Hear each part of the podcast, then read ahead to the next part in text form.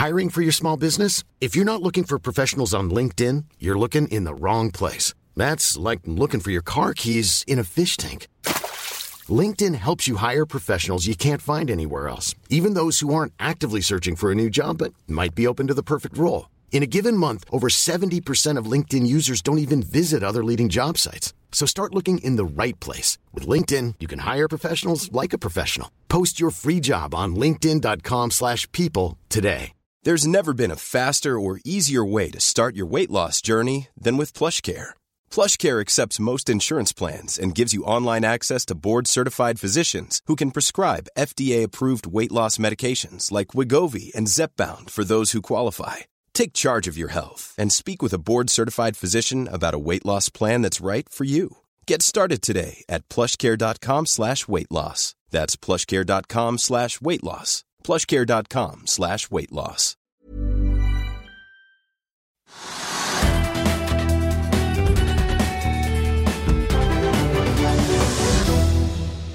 Hei og velkommen til Økonominyhetene, der vi skal se litt på Oslo Børs, eh, det som skjer i Asia og USA. Og vi skal, eh, vi skal ha ukens oppsummering, men først da noen hovedpunkter fra dagens nyhetsbilde. Oslo Børs ser ut til å avslutte uken så vidt i minus etter flere dager med fall. Oljeprisen er også noe ned fra gårsdagen, og ett fat brentspotolje handles nå for like over 63 dollar fatet. På toppen av dagens vinnerliste på Oslo Børs ligger Northern Drilling med en oppgang på nær 15% tett fulgt av Bergen Bio, som stiger ca. 14% Og sistnevnte stiger etter en oppdatering på sine nettsider som tyder på økt fokus på koronabehandling. PGS er opp 12% og får tommel opp fra to meglerhus fremover. I motsatt ende er Arctic Bioscience, Brabank og Prosafe. Selskapene faller mest ved ukeslutt, alle ned med rundt 6 også storbrann er ned med ca. 1,3% etter en analyse der Kepler Chevrolet antyder at aksjen ser dyr ut. I Europa er det blandet børsdag, der det britiske og det spanske aksjemarkedet har en negativ utvikling, mens børsene i Tyskland og Frankrike er svakt opp. Og Samme bilde var det i Asia i morges, men både Hang Seng og CSI 300 var markant ned. Og Betyr det at usikkerheten er tilbake i markedet, Trygve? Når vi går litt sånn svakt nedover? Nei, altså Jeg vet ikke. Men er, for det første er det ganske uspennende. For det er ikke noen, noen store nyheter og ikke noen spennende selskaper. Og, og så er, er, det usikkerhet om verden, hvordan den går, og hvordan går det i USA, hvor indeksen har nådd uh, nye all time high hele tiden. Så det er liksom veldig høyt priset. Og så er det ingen endringer på oljeprisen. Den ligger som du var inne på, på rundt 63 dollar per fat. Uh, og der ligger den. Og det er liksom med de store kreftene som er i sving verden over, folk som er tradere og kjøper til industrivirksomhet eller transportvirksomhet. Det er, liksom, det er så små endringer.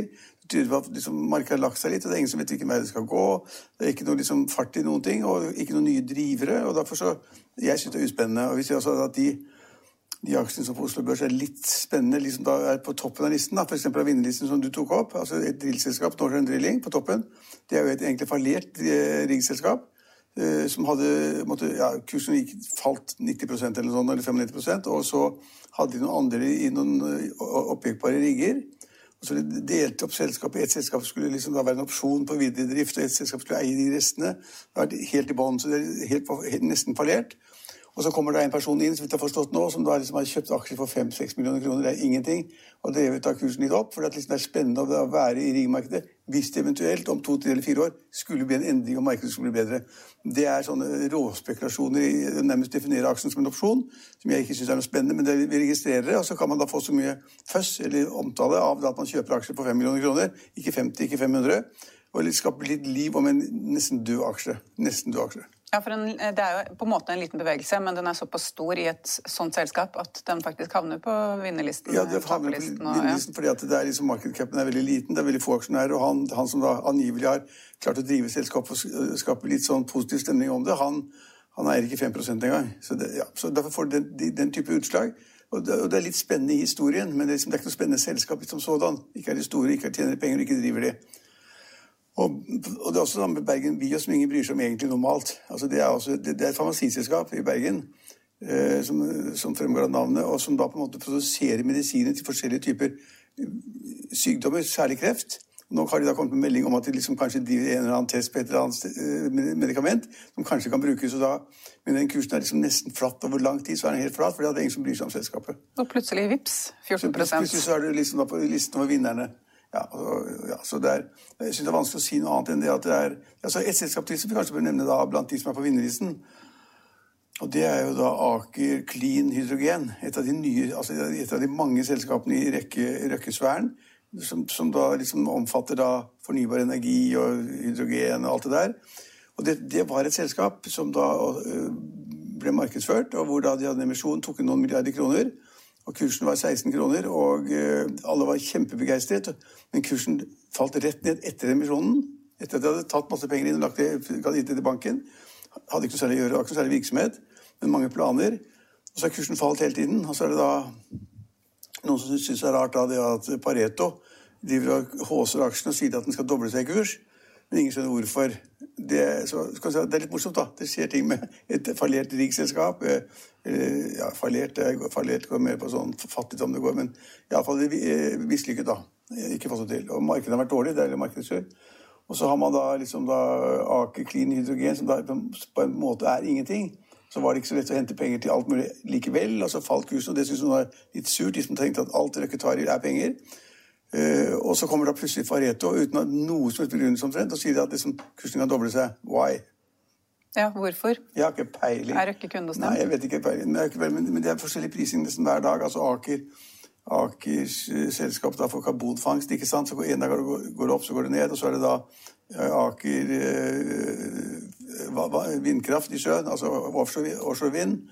Ja, det, det, skjer ting, men, det, men det, er noe, det, er ikke noe, system i det. Det er ikke slik at liksom, nå går alt bra, eller alle tjener penger, eller at prisingen er bedre. Men det er liksom rare hendelser rare hendelser i Norsk Drilling, rare hendelser i Aker Clean eh, eh, Hydrogen.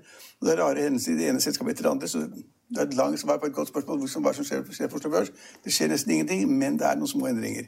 Men eh, på vinnerlisten, bortsett fra da Northern Drilling, da, som ikke akkurat er et grønt selskap, men eh, utenom det så er det jo typisk sånn mye grønt og mye nytt. Altså mange nykommere. Ja. Og det er jo noe som har preget børsen lenge nå.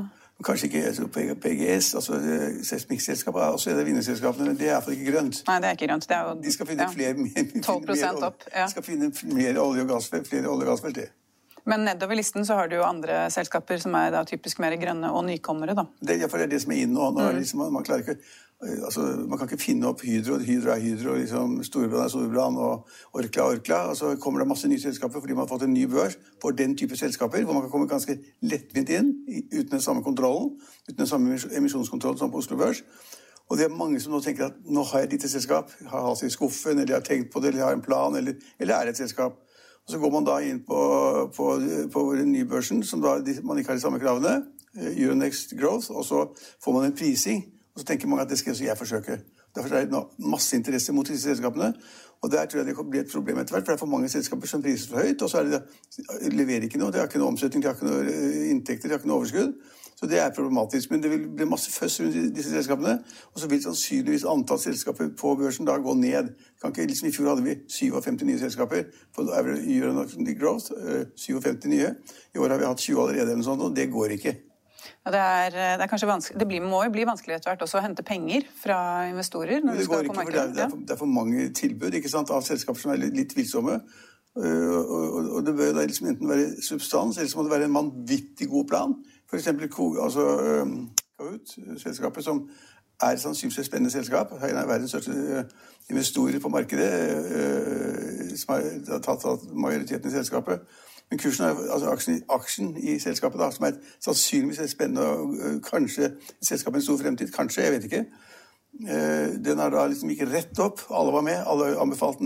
Norges beste investorer var med. Og så var kursen oppe i 137 kroner, og nå er kursen da på 88, 89 eller 90 eller noe sånt. Og svakt ned i dag. Og kvart ned i dag, ja. ja. Så, så, så, det er vanskelig. Alle syntes det var topp og ble anbefalt og anbefalt. Også det er en veldig flink, flink eh, analytiker på området. Eh, men, men, så plutselig så ramler det. Så plutselig er det da liksom, Hvor stopper det på vei ned? Stopper det nå, eller stopper det mer? Skal det ned 4-5-6-10-20% til? Eller skal det plutselig gå opp igjen da fra 90 eh, kroner til 120 eller 130? Eller 200 eller 300 igjen? Og noen sa jo da om det selskapet som vi nå snakker om, Kahoot, så sa de at det skulle tidoble seg. Ja, så trodde noen på det. Og så gikk den da 30-40% Det er bra, men det er jo egentlig veldig stor vekst i et selskap. Hvis en aksje går 30-40-50 i løpet av en måned eller to, så skal man jo egentlig ikke være der lenger. Mm. Da må man liksom sikre seg. Men, eh, men, eh, tilbake til disse altså, Nå var jo PGS, da, som vi ble enige om, også var et oljeselskap. Og, er, eller oljerelatert selskap. Ja, olje. Oljerelatert. Og også Northern Drilling. De stiger jo. Men oljeprisen er jo da ned, og har jo gått ned fra nesten 70 dollar fatet. Ja, ja. Nei, ja, og så har den jo da steget nedover. Og de andre oljeselskapene på Oslo Børs, eller oljerelaterte selskapene på Oslo Børs, er jo veldig mye rødt der. Men det viser jo da at noen har jo tro på at uh, markedet kan komme tilbake, da, hvis de satser på, rigg. Nei, på rigg. Noen tror det. Og det var jo også da Jon Fredriksen som på en måte kontrollerte det selskapet også, ved at man skildrer ut ringer her og der. rigger mye rart. Uh, ja, noen tror det, men det, altså, det kan godt tenkes. Det kan godt tenkes at blir, oljeprisen blir såpass mye høyere om tre eller fire eller fem år at oljeselskapene vil bruke mer penger på å finne ny olje, eller, eller eh, drive oljeleting, eller produsere den oljen de allerede har funnet. Eh, kan tenkes. Men det kan også tenkes at oljeprisen vil ligge flatt i mange mange år. For at etterspørselen er blitt lavere av forskjellige årsaker. Fornybar energi, økonomien går svakere, veksten er lavere. Så det er masse man kan tenke seg. Og så kan man tenke seg at eh, tilbyderne, enten det er i, i OPEC, altså eh, i Midtøsten, eller det er Russland, eller det er i Mexicogolfen, så kan det godt tenkes at de produserer så mye at tilbudssiden blir for stor hele tiden. Så det blir ikke noe gøy. Og hvis ikke da, hvis ikke da oljeselskapene tjener mye penger, så vil de heller ikke bruke mye penger på leting. Og så er Den generelle trenden i verden er det at olje og gass er ut. Altså I Norge er det noen politikere som sier at det er ut. Jeg mener at det er ikke mulig å si det er ut før om 40-50 år. Så det holder lenge å tjene masse penger på det i 40-50 år. Men hvis da man rundt om i verden finner ut at olje og gass er ut, altså fossilbar energi er ut, så skal det liksom fjernes i løpet av 5-10-15 år, som noen tullinger sier i Norge Ungdomspartiene, stort sett. ja, hvis, ta, hvis, Da blir det ikke den samme interessen for, oljepris, for olje og oljepris heller. Og, og, da vil det heller ikke være interesse for da de serviceselskapene, altså alle oljeserviceselskapene, enten det er seismikk eller det er da til, altså supply som går frem og tilbake til riggene, til riggstasjonene osv. Så, så jeg synes det er vanskelig å si, men I øyeblikket syns jeg det ser ganske dårlig ut. og Det er bygget alt, det har kontrert altfor mange nye rigger, av dypvannsrigger og, og halvt senkbare rigger osv. Så, så altfor mange kostet en formue da de blir, blir kontrahert, og så er det altfor lite å gjøre nå. Så veien til å bli rik nå er ikke å kjøpe en rigg, da? Nei, Det kan godt hende du kjøper en rigg på, på bunnen hvis du er rå, råsmart og, og, og, feier bunnen og tar, kjøper nå. Og så går det tre-fire år, og hvis du har råd til å sitte med dem og glemme dem og ikke tenke på renter eller avkastning, og så kanskje så plutselig går riggmarkedet om tre eller fire år. Det er fint, da tjener du masse penger på det. Men det er på en måte, er da kan du heller ikke nesten spille på Lotto, da. Altså det, er, det ene er ikke noe bedre enn det andre. Men eh, tilbake til, Du sa jo i USA så har det gått veldig bra. og Nå eh, er det jo sånn at i USA åpner det jo samfunnet, og man vil jo tro at eh, økonomien kommer ordentlig i gang. og Det burde jo også ha drevet oljeprisen eh, litt høyere. altså Driving season er vel nå rett rundt hjørnet? Ja, det, men det, var, men det var i gamle dager, da man hadde liksom balanse i tilbud og etterspørsel. Ikke sant? Og så kan du liksom, får du da kjøresesongen, så skal ha folk åpenbart ha mer olje og mer bensin, eh, fossil energi.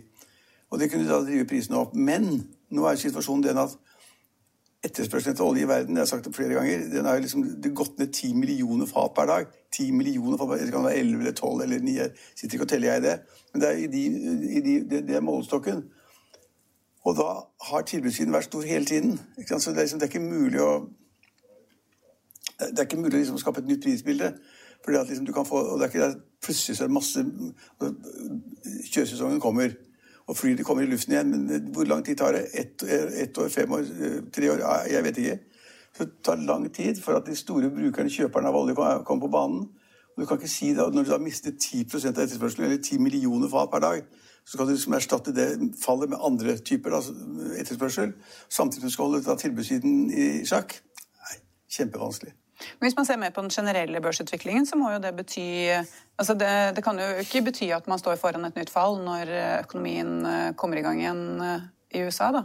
Ja, Hvis økonomien kommer i gang igjen, og det sier alle Ja, for Nå åpner de opp, så nå ja, må de jo skje et ja. Nå sier alle at det kommer, og de sier også at veksten da, BNP-veksten i annet kvartal skal bli 6-7 Det er kjempemye. Eh, det betyr at mange, mange nye må få jobb og få tilbake jobbene sine, og de skal produsere mye rart og eksportere mye rart osv. Og de skal bruke utrolig mye penger altså utrolig mye penger, gjøre om til norske kroner, på å bygge nye veier og flyplasser og tunneler og alt som, alt som er. altså i, i, Å investere i infrastruktur. Det er klart at det skal ansettes mennesker for å da få sementen på plass, og få veiene på plass, og belysningen på plass, og skolen og sykehusene og Alle vet hva det er i, denne infrastrukturen. Og Hvis vi får full fart her, så er det bra for amerikansk økonomi. Men jeg tror ikke at det automatisk at det smitter opp at de skal bruke veldig mye mer olje. Nei, nei, nei, men jeg tenker mer sånn generelt. Ja, generelt blir det Mm. bedre. Mm. Men, men, men det er, men det er eh, men det er fremdeles så mye som står igjen liksom, for, for å få økonomien i gang. Altså, Den der nedstengningen vi har hatt i Amerika og alle andre steder, og i Norge, er så kraftig at vi fatter jo ikke. Altså, vi fatter jo ikke. Men ja, fordi jeg tenker mer på dette at Den amerikanske børsen har nådd rekordnivåer, eller de ulike indeksene har nådd rekordnivå etter rekordnivå. Og man sier jo det at det er jo ikke noe Hele tiden har vi sagt det, nå må Intet tre vokser i himmelen. Til, ja, men, eh, men et eller annet sted så må det jo slutte. Men nå skal jo plutselig ting settes i gang igjen. Ja, men altså må må slutte. For, altså, det, det amerikanere har hatt, det, det som folk ikke får helt med seg Det har vært stor forskjell på da, på en måte, utviklingen og, og kursoppgangen for da, tradisjonelle, gamle verdiselskaper. Der har ikke kursveksten vært så veldig stor, men det er disse tech-selskapene, enten det er liksom Amazon eller Netflix eller Apple eller hva det måtte være, det er de som har liksom ekspandert, ekspandert, skalert og skalert og skalert. Og det gjør det på en måte hvor kostnadene er nede, men inntektene er store. De driver internasjonalt, tjener enorme summer. Så liksom verdens rikeste mann driver liksom Amazon, ikke sant? Liksom, ja, ok. Og nummer to, øh, Tesla, det er liksom han, øh, er da øh, eieren av liksom Elon Musk, er da liksom verdens nest rikeste. Er Tesla tech, eller hva er det for noe? Altså, det, er, det er bil, men det er jo ikke tech. Men altså, han driver også med romfart, altså, det er masse surr. Men det som på en måte har skapt nye verdier, det er liksom nye måter å gjøre det på. Altså netthandel som heter eh, Amazon. Elbiler, netthandel eh, ja. Ja, og, og på en måte hvor det er skaleringseffekter. Du, liksom, du får 1000 eller 1 million, eller 1 million nye kunder uten at det nesten er noen nye økte kostnader. Og det har drevet det, og så har de vært veldig flinke og gjort det på mange nye måter. Så det er ikke de tradisjonelle selskapene som har økt mest, det er de tekstselskapene. Og de kan jo fortsette.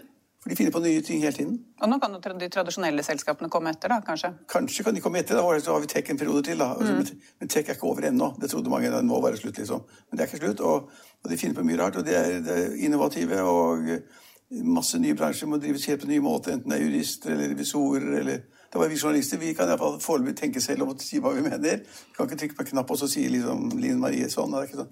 eller Hegna sier sånn. Så, så jeg tror fortsatt på det at de amerikanerne vil klare å drive de store tekstselskapene fremover, og at det vil være førende for markedet ganske lenge.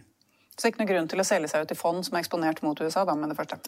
Altså, det, hvis man er- begynner å bli nervøs, så skal man jo det. fordi at liksom, Det avhenger av hva man har tjent. Har man tjent 25 eller 20 eller hva det måtte være, så er det egentlig nok. Og Hvis det er 5 i året, så er det veldig bra forhold til hva du får i banken. Og så er det jo slik at man, noen, sånn som meg, da, som er gamle konservative Hvis man har gjort en god deal, så går man ut, selv om det går bedre etterpå. Man kan ikke liksom gå, se, se tilbake på at 'jeg skulle ikke solgt', eller 'hva var det', osv. Altså, det er min yndlingshistorie. Det er liksom at er, verden er full av milliardærer som har solgt for tidlig. Som har solgt for tidlig. Og det er et godt utsagn at liksom, de som er veldig flinke, de, de, er så, de er ikke så veldig redde for at liksom, markedet går etterpå. De går ut når de har vært lenge nok der og tjent nok, og, og, og, og det er bra. Men, eh, men tilbake til Oslo Børs, da. Er det noen selskaper der som du har bitt deg spesielt merke i annet i dag?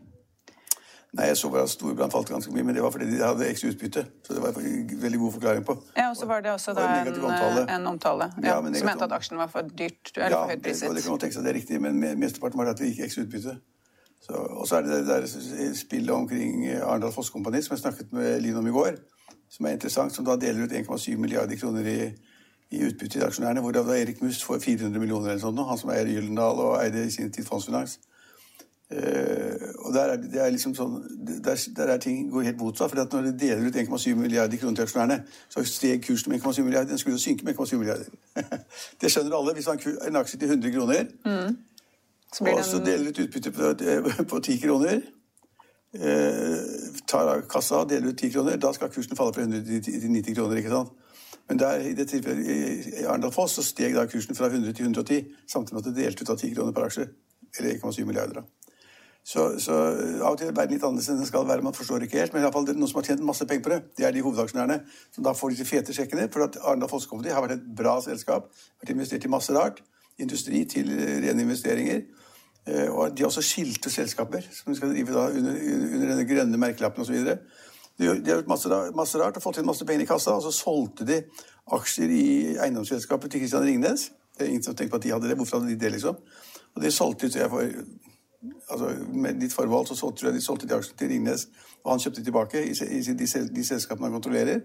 For 800 millioner eller noe sånt. Så pengene rant over i Arendal Fosskompani, og så deler de ut til aksjonærene. Herlig historie. Men, men, kursen skulle falt. Jo, men kanskje folk tenker at da utbyttemaskin, ny, gøyalt sted vi kan få ut penger i ja, årene der. Det har de helt sikkert tenkt at liksom, de har sikkert enda mer penger som de ikke har fortalt om engang. De har solgt enda noen flere selskaper, de har vært enda flinkere. Og så har de liksom en halv milliard eller milliard eller to liggende til, og så skal de dele ut de fint kjøper aksjene, får cashen. Men da skal teoretisk at den dagen du får 100 millioner kroner i, 100 millioner kroner i, i ut, så skal jo da teoretisk verdien på selskapet synke med 100. Du kan ikke liksom bare gi bort noe, bli et hull der hvor du tok pengene ut fra, enten det er fra cash eller hva det måtte være. Slik at eh, Noen må tro da at, de, at det kommer enda flere utbytter. Men du, for å få de utbyttene må du faktisk kjøpe aksjer først. da. Eh, ja. Men det, fin, det, ble en fin helg for Erik Must og familien, da? Erik Must og familien, Det var 400 eller 450 millioner kroner i utbytte de får ved den siste utbetaling av de 1,7 milliardene. Hvilket tyder på at han da har eid 23% av selskapet. Men da har vi kanskje snakket om det som har skjedd på børsen i dag, da? Ja, jeg tror det var eh, det, det morsomste, egentlig. Det er, ja. det, er, det er en del småtteri, men det er liksom ikke de store, store ting som skjer. Det er det ikke. Hiring for your small business? If you're not looking for professionals on LinkedIn, you're looking in the wrong place. That's like looking for your car keys in a fish tank. LinkedIn helps you hire professionals you can't find anywhere else, even those who aren't actively searching for a new job but might be open to the perfect role. In a given month, over 70% of LinkedIn users don't even visit other leading job sites. So start looking in the right place. With LinkedIn, you can hire professionals like a professional. Post your free job on linkedin.com slash people today. I'll see you in court. Vi sier det ofte litt på spøk, men for deg som driver business, er det aldri moro å innse at du ikke har laget en 100 gyldig kontrakt. Du bør ikke risikere hele firmaet ditt fordi du synes dette med kontrakter er litt stress. En avtale er ikke en avtale. Du kan miste kunder, miste venner, ja, til og med miste inntekter om du ikke lager en skikkelig kontrakt, på alt mulig, egentlig. Men vi vet det er et styr. Kopimaskiner, treg printer og haugevis av papir. Dessuten stoler vi jo på folk her i landet. Det er ofte litt kleint å skulle be om en signatur for alt mulig, ja, for mye av styret handler også om jakten på underskriften. Det finnes en enkel måte å løse dette på, Dukkobit, en trygg, effektiv og get this, gratis måte å sikre seg en god natts søvn pluss en juridisk bindende avtale. Dukkobit-appen har de strengeste sikkerhetskrav i bunn, samt en EU-godkjent og sertifisert teknologi. Framover vil det bli behagelig å spørre du, skal vi skrive under på det, eller? Kom i gang på dokobit.no.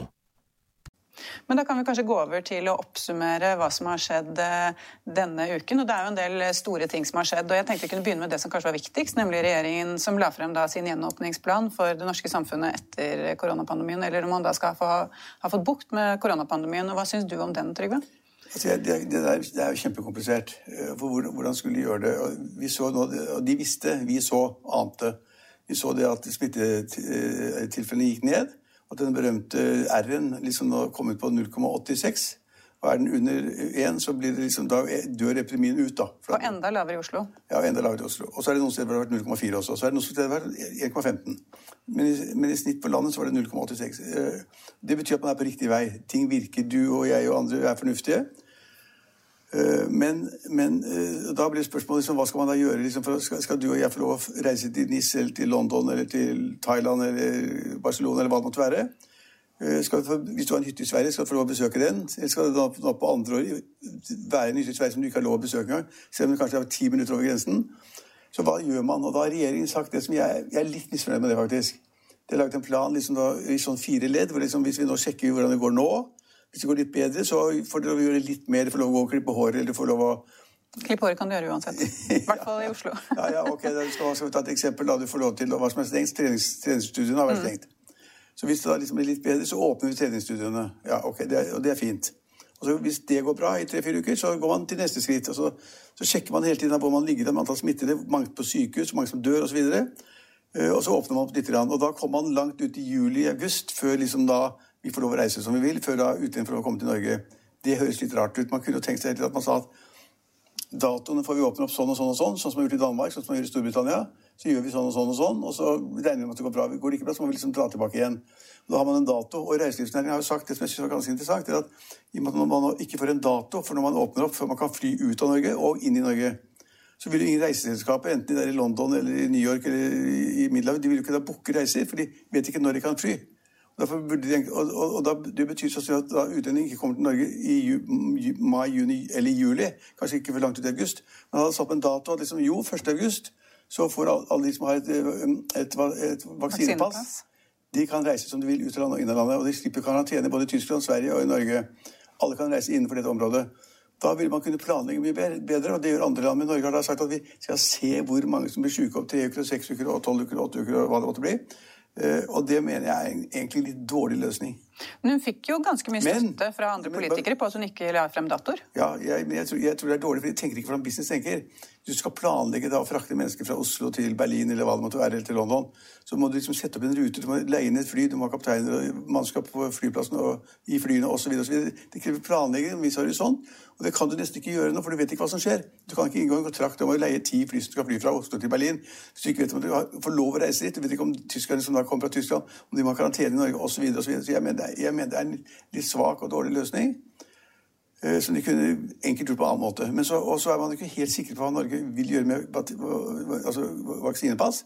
Jeg mener man absolutt bør få det så fort som mulig, og i, i hvert fall senest i samarbeid med EU. Det må vi for øvrig, hvis det blir et pass i EU. Men det er den eneste måten å sjekke på at du liksom slipper da altså, Da vet disse landene som tar deg inn, da slipper du karantene. For du er vaksinert, du har gjort det da og da, du er testet negativt da og da. Og det må komme. Men Norge liksom sier ja, jo, se på det. Kanskje. Vi burde sagt, umiddelbart burde sagt at det vil vi også. Så De som vaksinerer seg, de vil ha den fordelen. Og Da vil sannsynligvis flere vaksinere seg, og det er bra. Men eh, alle vil vel egentlig vaksinere seg? Det er bare det, det er ikke nok vaksiner? Nei, nei, det er ikke riktig. Det er masse mennesker som jo, men ikke, de fleste, vil kan, de fleste vil vaksinere seg hvis nei, de får muligheten til det. Til å, vi kommer til å drukne i vaksiner de kommende månedene. For det første, AstraZeneca vet vi ikke hva som skjer med. Men de andre står i kø for å levere, de også. Og Norge kommer til å få så uendelig mer doser enn det vi har tenkt på. Ja, jeg håper du har rett, for plutselig så var det jo sånn at eh, FHI mente man skulle vaksinere alle over 45, og så skulle man begynne med de yngre, de som er under 30. Så vi som er i den eh, mellomgruppen der, vi får aldri vaksine, vi da. Jo, det får det, men det var liksom, nå kan jeg ikke huske ikke tallene, men man antok at man i en uke skulle få 50 000 en eller annen dose av en av typene. da. Eh, Pfizer eller hva det måtte være. Plutselig fikk man beskjed om at det var 150 000 doser. og liksom masse rart. Og, det dukket opp overalt. så dukket, dukket opp da en større produksjon. Og, da, og, nå sier de fleste at selv om man tar AstraZeneca ut, helt ut, og liksom lar den få pause i alle land, så vil man klare å fylle opp med andre, andre typer medikamenter eller vaksiner. Så det, det er litt snålt. Ja, altså, de kommer til å få gjøre hva de vil. bare ja. Men um, nå er det jo sånn at de restriksjonene som gjelder nå, de gjelder vel da til uh, midten, av, ja, midten, av, neste uke ish. Uh, og så sa Raymond Johansen, byrådsleder i Oslo, at eh, de kommer ikke til å legge frem en tilsvarende altså gjenåpningsplan med det første. Eh, og det kan jo virke som det kommer til å gå saktere i Oslo, men det må jo få veldig store konsekvenser for næringslivet? Veldig. Veldig. Altså, det er, fremdeles er jo hotellene og restaurantene nærmest døde. Du kan jo ikke skjenke noen ting. Nå er ikke jeg en sånn skjenkeidealist, jeg syns det er så veldig fint. Men det er på en måte at du, du altså Bare restauranter og hoteller i Oslo og østlandsområdet er jo døde for at folk gidder ikke gå ut og spise et, et måltid. Feire en bursdag eller hva som helst. Men du får ikke gjort det nå heller, fordi det er jo takeaway, bare? Ja, det er, liksom, det er dødt i restauranter, det er dødt på barer, og det er dødt i hoteller. og Det, få, det må du liksom gjøre noe med. Og Men, da, ja, og så tenker jeg også varehandelen. altså Nå har jo de ja, stengt. Alle, ja, alle er jo stengt. Og det er jo mange som har klart seg til nå, men nå så er det jo kanskje en del, i hvert fall de små, som har begynt å måtte ta opp lån i banken. og, og fordi nå har de brukt opp bufferkontoen. Ja, jeg tror det er et godt poeng, men det er, og det er for lenge siden. For Først er det slik at du liksom kanskje har en kassekreditt i en bank, og så bruker du den. Så er det kanskje noen private sparebiler, så bruker du den, og så selger du et eller annet, selger bilen din, så får du 300 000, ikke sant? Du driver en liten bar når man strukket den strikken så langt at hvis ikke de kommer i gang igjen, så blir det konkurs over hele fjølen. Men så kan du si at ja, men spiller det noen rolle da om disse barene eller restaurantene går konk? For det kommer jo andre som overtar etterpå. Det er en ganske god innvending. Men det er litt, litt tungt for de som har brukt sparepenger og gjort alt mulig rart. Familie, unger. Lage en liten bedrift, en kiosk, eller lage en liten Altså en, en liten bar eller ny restaurant. Oslo har druknet i restauranter de siste årene, så liksom, vi har nok restauranter. Det er ikke det. Eh, men det er litt bittert for de som har drevet det. Og nå tror jeg på en måte at hvis du har hatt reserver i det nivået hvor du bare er to-tre-fire ansatte, så er de borte nå. Nå driver du like før du liksom er, du blir tatt av vannet. Eh, og det er skummelt. Og jeg mener at man burde prøve å åpne opp det. Som du, ikke sant? De kunne liksom åpne opp restauranter eller hotell eller bar la oss si innen 1. mai eller 1. juni. eller sånn. Og det ville hjulpet på planleggingen hva, hva det måtte være. Og så kommer da Raymond Hansen og sier liksom at ikke hos meg, for tallene var ikke gode nok, og jeg venter og sånn, bla, bla, bla. og ja, så Ja, jeg jeg syns kanskje man skulle bruke mer nasjonale regler over hele landet enn at liksom at enkelte kommuner kunne gjøre hva de ville. Men, eh, men eh, det er jo sånn at eh, i Oslo i, altså, Sånn er det jo mange steder i landet nå, at i sentrumsdelen så er det helt dødt. fordi det er jo Alle er på hjemmekontor, og det er jo ingen som er der fordi at alt er stengt. Og der sliter jo da varehandelen og restaurantene. Og så skal du ikke reise kollektivt? Nei, og så skal du ikke reise kollektivt. Så har du ikke råd til å kjøre drosje? Nei. Så, så det, er jo, det er jo ganske lang vei å gå før. Og, de, og, en annen ting er at de tør jo ikke, hvis de får beskjed om at ja, men dere kan åpne litt, så er det mange som ikke tør å kalle tilbake til alle de ansatte og åpne, fordi at de vet at hvis de plutselig må stenge gjennom to uker, så må de betale permitteringspengene. Ja, de ti dager først. Ja. Det, er, det, er, kjempevanskelig. Altså, jeg har jo selv et hotell i Asker osv. Og, og vi vurderer liksom åpning hele tiden. Men altså, det, er nesten umulig å planlegge. For hvis vi tar inn 10 eller 15 mennesker, da, som det ser ut som det er bra til, det bookingen er bra osv., så, videre, så kommer det en negativ uttalelse fra da, en eller annen politiker i Asker eller Erna Solberg. Og så AB, ringer, ringer folk AB til alt de har, og så begynner det helt på nytt igjen. Og hvis du tar folk inn, som du sier, er et kjempegodt poeng, og så, nei, så, blir det annerledes igjen, og så er det eller annen, et eller annet som skjer, og så blir, går da smittetallet opp, eller whatever, og så blir det full stopp igjen.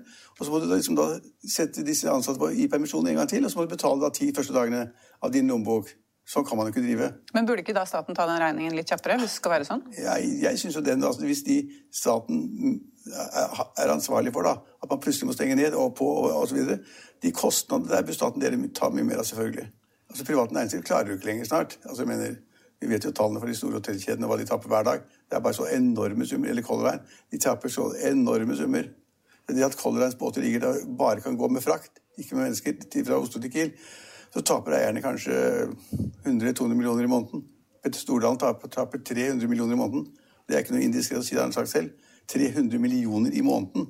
Så det er klart at det er enorme beløp som går. så det man må håpe på nå, er at, har, at vi har klart å få smittetallene ned, og at de liksom har funnet en vaksine. Mange flere blir vaksinert hver dag. Også i Norge blir vi kanskje fullvaksinert før det er gått juli, kanskje. Og da kan vi reise igjen, leve igjen, spise ute og gjøre hva vi vil. og Reise til Sverige eller Danmark eller Tyskland eller og de kan komme til oss. Men vi er ikke der. Det ser bedre ut i veldig mange land nå, men det er ganske lenge før du kan si at alt er i orden. Men eh, hun eh, sa jo da at eh, man skulle åpne de tre, disse trinnene med tre ukers mellomrom. At du først tar ett trinn, og så venter du tre uker, og så kan du ta neste trinn. Og hvis man starter da i april, da, så vil man jo da være på trinn tre i slutten av juni. Men, men, hvordan altså, tror du da Hvordan blir sommerferien? jeg vet. Altså, vi nordmenn har jo sommerferie i juni. Juli, ja. Nei, det har vi ikke. Det er stort sett, stort sett juni flertallet tar ferie. Så hvis, og det er noe av poenget med at vi, vi liker å ha utlendinger til Norge, for da kommer de i august. Mm. Og i, i, andre halvdel av juli. Men eh, for at nordmenn tar, de er stort sett ferie i juni, første uken av juli. Uh, hva var spørsmålet? Nei, Det var bare hvordan sommerferien blir. Altså... Ja, sommer, ja, sommerferien blir, den, den, Det blir vanskelig å planlegge. Men du kan, du kan planlegge hva du vil. Du kan da, gå i fjellet med ungene dine, og du kan uh, ligge i telt, og du kan ta, reise på biltur til Lofoten, og du kan biltur til Kirkenes hvis du vil, ta litt lengre tid osv. Altså, Norge kommer til å bli benyttet. Flere kommer til å bruke båt, flere har kjøpt båt. Norge vil bli brukt, men poenget er det blir liksom ikke helt orden på det pga. vaksinering osv. før du kommer da ut i, du tar disse etappene. Men det blir ikke noe orden på det før du kommer ut i mai-juni. Og da liksom er vi nesten, da skal ferien tas, og så skal man fortsette på ferie. Og så skal man tilbake på jobb, og da er det tomt igjen. Men eh, jeg merker jo nå altså I fjor så var jo alle på ferie rundt omkring i Lofoten og gud vet, i Norge. Hvis du ikke får lov å reise ut av landet, så må du ja, et sted. Men, men, jeg bare merker eh, at eh, det, for meg selv så sitter det veldig langt inne å bruke 25 000 kroner på å leie en litt sånn passe hytte på Sørlandet en uke. Når du da tenker at om jeg kan heller kanskje reise et fint sted til høsten. Ja, det, er, det, må jo reiselivet i Norge ja, merke. for det første er det ikke sikkert du får lov av ferie på høsten bedriften din. Det avhenger av ledelsen hva de sier. ja. så, det, så, du kan ikke velge ferie når du vil. Noen kan det, men veldig mange kan ikke det. De jobber i skift, jobber i en fabrikk, de skur noe, de sløyer fisk, eller de er i skogen, eller står i butikker, eller hva som helst. Det er sånne skiftplaner, så det er komplisert. Du får ikke velge hele tiden. Så, så, så den ferien du ha, ta, vil ha, den må du sannsynligvis ta da i mai-juni. Jo, men Tror du ikke kanskje da at flere tenker ja, men ok, men da tar vi en litt sånn passe sommerferie i år, og så sparer vi heller de pengene? Jo, og da det går utover jo, norsk reiselivs... Ja, jo, folk, Nordmenn brukte masse penger innenlands i fjor. Tok ferien innenlands. Det var bra for Norge. Veldig bra. Og noen uh, hotellvirksomheter, særlig på Vestlandet, hadde faktisk belegg på 20-30-40% på det. Og noen hoteller enkelte steder hadde 100% belegg fordi det bare, bare var nordmenn der. Uh, men Gidder vi å gjøre det i år? Men gidder vi å gjøre det i år? Jeg tror mange kommer til å gjøre det på den måten i år også. Eh, Men så har folk også spart en del penger. Selv om de brukte penger i Norge i fjor, så har de spart en del som sitter og venter på liksom, å ta kanskje en dyrere ferie. da, Til New York eller til Barcelona eller til Thailand eller hva vet jeg. Kanskje til Dubai osv. Så, videre. så vi har råd til sannsynligvis, for de har spart ganske mye. Vi har bare sittet innenfor fire vegger og jobbet, hjemmekontor, eller lest, eller ikke brukt penger på noe som helst. Og vi ikke kan gå på restauranter, ikke kan vi bruke pengene på dyr vin og god mat, og ikke kan vi, bruke pengene på hoteller. Altså, så vi har nok ganske god råd. De Men- men- de, det er fælt å si når vi har såpass mange arbeidsløse. Vi har 211 000 arbeidsledige, men de fleste har ganske god råd og står i ferd med å bruke dem. Men det du legger opp til, det er liksom det at du vil ikke bruke det i mai-juni, du venter alle sammen, så vil bruke, bruke masse penger i august eller september. Ja, på utlandet, ja. Ja, i utlandet. Ja, det det, den sjansen kan du ta. Mm. Men så kommer det én dårlig melding, så kommer Erna Solberg frem på pressekonferansen og sier at det, nå ser det tomt ut igjen, og så bare strammer de inn, og så sier de at nå er det liksom rød- rødt eller grønt eller gult eller svart belte eller hva det måtte være. Eh, Og så må alle legge om planen igjen. Men det er jo ikke sånn at men apropos, det, du så, så det første flyet til Flyr, det nye flyselskapet, som da ennå kan fly ennå. Mm. Det skal åtte fly når året omme. og de, er, Kursen var litt opp der. dag. par Det er 2 prosent, Ja, par prosent opp. Men de har nå sagt at de skal begynne å fly 30. juni. Ja. Første avgangen. Jeg vet ikke om det var til Tromsø eller Bergen. jeg er ikke sikker, men det, der kommer første avgangen til at, Men det er, det, så lang tid tar en planleggingsprosess. Da kommer det helt til slutten av juni, for du kan få lov å fly med Flyr. Før det må du fly med Norwegian eller SAS eller noe annet. Ja, og Norwegian var jo nede der. Det var jo dårlige trafikktall, men de har jo da heller ikke fått noe særlig drahjelp av at folk tenker at de kanskje kan reise igjen etter sommeren, da. Nei, nei da. Så det kan godt tenkes du får en ketchup- ketchup-effekt i august-september, og alle skal i ferie da. Men det tror jeg ikke noe på. Jeg tror de fleste kommer til å ta ferie når, når jeg sier til Linn at du, du med familie du må ta ferie i andre uken i juni, så må du ta ferie andre uken i juni. Da kan ikke du si til meg at det gidder jeg ikke, Trygve, jeg skal heller ha ferie i september. Det går ikke. Da har jeg en skiftplan, og du er min journalist, og da skal du være der da. Men da kan jeg si allerede at jeg skal ta høstferie i oktober. ja, og det kan godt tenkes at de som venter på det, får bedre tilbud og får bedre- flere, fly å velge mellom. Og får lavere priser, og man kan reise til hele Europa, kanskje. Og jeg tror jo og håper på at liksom, vaksineringen går så bra i alle land, så fort. Altså så fort som det plutselig skjedde i Frankrike og Danmark og Storbritannia. Det er ganske interessant. altså Det, går, akselererer jo. Liksom I Amerika så tror jeg det er, kanskje det er bare tull, men altså, de vaksinerer tre millioner mennesker per dag eller sånt nå. Det er helt vilt. Og Hvis det går raskere og raskere, og de får bli flinkere og flinkere, og de har de rette vaksinene, så kan det godt tenkes at verden er annerledes i juni-juli. At på en måte da blir det helt annerledes, men da må du ha et vaksinepass. Hvis så kommer du ingen steder. Men likevel har jo da Frankrike De er nå i sin tredje nedstenging, Ja. da. Men eh, dette vaksinepasset, det får jo da f.eks. folk på din alder kan jo bruke det. Men folk som er på min alder, vi får jo ikke det før om kjempelenge. Så det blir dere som skal ut og reise og gå på restaurant nå. Ja, det er, et veldig godt poeng. Altså, vi, vi gamle vi kan reise altså, om få uker. Eh, også de som da ikke har fått, ikke fått vaksinen, de får heller ikke passet. Da kommer dere sist i køen, og da må dere vente. og er, Sånn er det bare. Det er noen som har sagt at det er ikke rettferdig. at liksom, vi, kan ikke, vi kan ikke gi da Hegnar og den, type, den aldersgruppen vaksinepass. For det er urettferdig. Det er ikke demokratisk. Og for de som ikke har fått vaksine, men altså, så, det blir helt tullete. Sånn er det bare. Nå har man begynt å ta de som er gamle, de som er på, eh, på, på sykehjem og eh, sykehus eller hva det måtte være. Og så har man liksom gått da fra 80 år og 70 år og nedover 60 år. Eh, Og de, fordi det er de menneskene som er mest utsatt. Vi blir syke så dauer kanskje. Og man har gjort det helt riktig. Og så kommer da kravet liksom at alle, alle skal ha likt, og alle skal få akkurat det samme på, på det samme tidspunkt. Det er så surrete. Men da blir det altså veldig mange pensjonister som reiser til Syden om noen uker, da. Ja, de må jo åpne opp først. Ja, de må Ja, ja. Hvis, du, hvis, du ikke har, hvis du ikke har vaksinepasset, så får du ikke Hvis du da kommer tilbake til Norge, så får du karantene på ti dager. Det er ingen som vil. Hvis du har en hytte i Sverige Jeg har venner som har hytte i Sverige, for jeg har ikke brukt dem på to år omtrent. Og de kan ikke reise dit, for hvis de kommer tilbake, så er det ti dagers karantene. Så de må få vaksinepasset, reise, ta bil og reise rett over til Sverige, til Strømstad, og rett tilbake igjen uten karantene noen steder. Vel vitende om at man har da tatt testen og fått vaksinen. Det, og det bør alle, bør alle få. Men det vi da etterlyser, det er en dato for eh, reiselivet, og at, eh, at varehandelen og restauranter egentlig kan åpne igjen, da, sånn at man kan få i gang folk i jobb. Ja, jeg mener det vil være helt unaturlig om ikke det var altså, varehusene snart åpnet igjen. Folk vil nå holde lengre avstand, de vil vaske seg bedre, de er kanskje vaksinert osv. Og de, det er, hvis du ser på de store varehusene, det er liksom bokhandlere, eh, klesforretninger alt, alt er stengt ned. Det er helt dødt. Du kan liksom, eneste er matbutikkene og apoteket og blomsterbutikken. De får lov å holde oppe. Jeg trodde blomsterbutikken også var stengt. men nå tror jeg Nei, de fikk lov til å åpne igjen. fikk lov til å åpne. Men det, det som er ditt poeng, og og også mitt poeng, det er det at regjeringen gjør ganske mye riktig. De er forsiktige å, og bruker gode fagfolk. De har liksom missa på det at man må sette datoer slik at folk kan planlegge. Business må få lov å planlegge. Når skal vi ta inn folk? Hvor mange skal vi ta inn? Hvor skal det være heldags eller halvdags? Osv. De tenker ikke på at vi trenger noen datoer for å kunne planlegge bedre, og det skjønner de ikke helt. Så får vi håpe at de sier at ok Og du, Apropos skjønne. Ja. Du vet, Regjeringens talsmann Erna Solberg fikk boten i ja, jeg tenkte det var en fin avslutning på For nå har vi gått gjennom Det blir litt sånn Erna Solberg-spesial. Ja. Men nå har vi jo gått gjennom gjenåpningsplanen hennes. Men hun fikk jo da 20 000 kroner i bot, som hun valgte å vedta, da. Ja, og, jeg, og det er jo selvfølgelig i og for seg sensasjonelt at en statsminister kan få en sånn bot. Uh, uh, men altså, jeg, jeg tør ikke si det i Norge, for det er, altså, det er likhet for loven og Jørgen Hattemaker osv. osv. Men hun fikk jo da 20 000 i bot eh, fordi hun da hadde hatt da denne seksårsdagen i en restaurant. Satt til tre forskjellige bord, og det var flere mennesker enn det man hadde lov til å være der. Man kunne være maks 10, og så var det 14 eller sånn nå.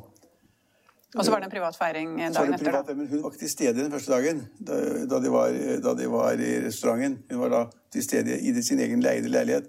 Men det som var litt rart, og og jeg synes liksom at hun må få den boten hvis alle andre hadde fått den, på akkurat de samme kriterier, akkurat samme premisser, så må hun få den boten. Men hennes mann, han fikk ikke. Og han var egentlig den tekniske arrangøren, for hun var ikke til stede. Hun var jo øyekontroll, eller øyelege i Oslo den kvelden som da festen ble avholdt. Så jeg synes det er litt rart. Jeg synes at juristene burde faktisk se på det. Er det mulig da for to personer For den ene ikke var til stede, får 20 000, og den andre som var til stede, får ingenting? For han fikk påtaleunnlatelse. Det, det syns jeg er snålt. Men egentlig så ville jeg, hadde det vært veldig fint om det hadde hatt en rettslig grunnlag på hjemmel for, og sagt at, liksom at, ja, at man ikke ble dømt de fikk de 20 000 i bot. Men det var, men det var den- sushirestauranten hun fikk bot for, og ikke dagen etter. Uh, ja, men det var begge deler eller en av det er jeg ikke sikker på. Men i alle fall så var mannen fikk iallfall ikke noe. Han fikk påtaleunnlatelse. Og jeg, jeg mener sånn egentlig liksom at en statsminister på sin seksårsdag må få lov å ha eh, gjester. Og så bommet hun. Hun klarte ikke å sa det, så jeg talte ikke rett. Jeg sto på pressekonferanse dag etter dag og mestet budskaper om liksom hvordan vi skulle oppføre oss. Så talte jeg ikke rett selv og bomma, og liksom tar min straff for det. Jeg syns det er litt synd. Men det er jo mange som har fått eh, disse bøtene etter hvert. Det leser man jo hver helg om eh, folk som har blitt eh, det? Jeg tror det er nesten ingen som får det. Det er liksom studenter og ungdom, så er det 20 og 30 stykker, og så du ser ingenting. Ja, men hvis du leser sånne politilogger, som jeg driver og morer meg med, så Er det stadig til å ta folk da? ja det, sånn, sånn, ja, det står at de er bøtelagt bla, bla, bla fordi at de møttes. Men ungdom betaler vel ikke, de bare gir blaffen i boten? De må vel betale? De blir jo trukket, sannsynligvis. da. Nei, jeg vet ikke. Ja. Nei, jeg- de, selvfølgelig skal statsministeren ha sin bot hvis hun gjorde feil. Og hun skal være et forbilde, og alle ser opp til det. Og man kan ikke gjøre forskjell på Jørgen Hattemaker og kong Salomo osv. Men jeg syns det er synd, men hun som har straffen sin, og det var 20 000 kroner. Det tror jeg Norge lever godt av. Jeg tror ikke det at Mange vil ha masse artikler i morgen på lørdag, så vil de ha artikler i avisen. og liksom, Har hun mistet eh, tillit, og vil du stempe henne nå, eller liksom er hun nærmest forbryter? Så jeg folk ikke bryr seg om i det hele tatt. Hun var statsminister, hun ble 60 år, hun bomma litt. Men, Det kosta 20 000. ja, det kostet 20 000, og det er jo på en måte en god fest. Ja. Men ja, da har vi vel egentlig oppsummert det viktigste denne uken, vil Ja, jeg vi tro. har fått med, fått med oss mye nå. Ja. Så da får vi bare håpe at uh, også vi som er mellom 30 og 45 får vaksine sånn at vi kan reise på høstferie. Du får ikke det før i juli, da, kanskje. Nei, men jeg skal på høstferie. Høstferie, ja. Og det var det vi hadde i dag. Husk å kjøpe Finansavisen i helgen med masse godt lesestoff. Ha det bra.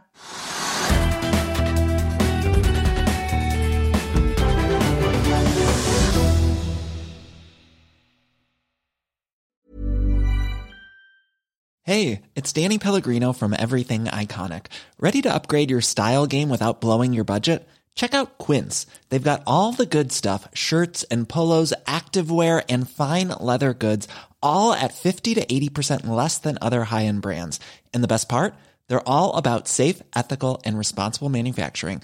Get that luxury vibe without the luxury price tag. Hit up quince.com slash upgrade for free shipping and 365 day returns on your next order. That's quince.com slash upgrade. Økonominyhetene er en podkast fra Finansavisen. Programledere er Marius Lorentzen, Stein Ove Haugen og Benedikte Storm Bamvik. Produsenter er Lars Brenden Skram og Bashar Johar. Og ansvarlig redaktør er Trygve Hegnar.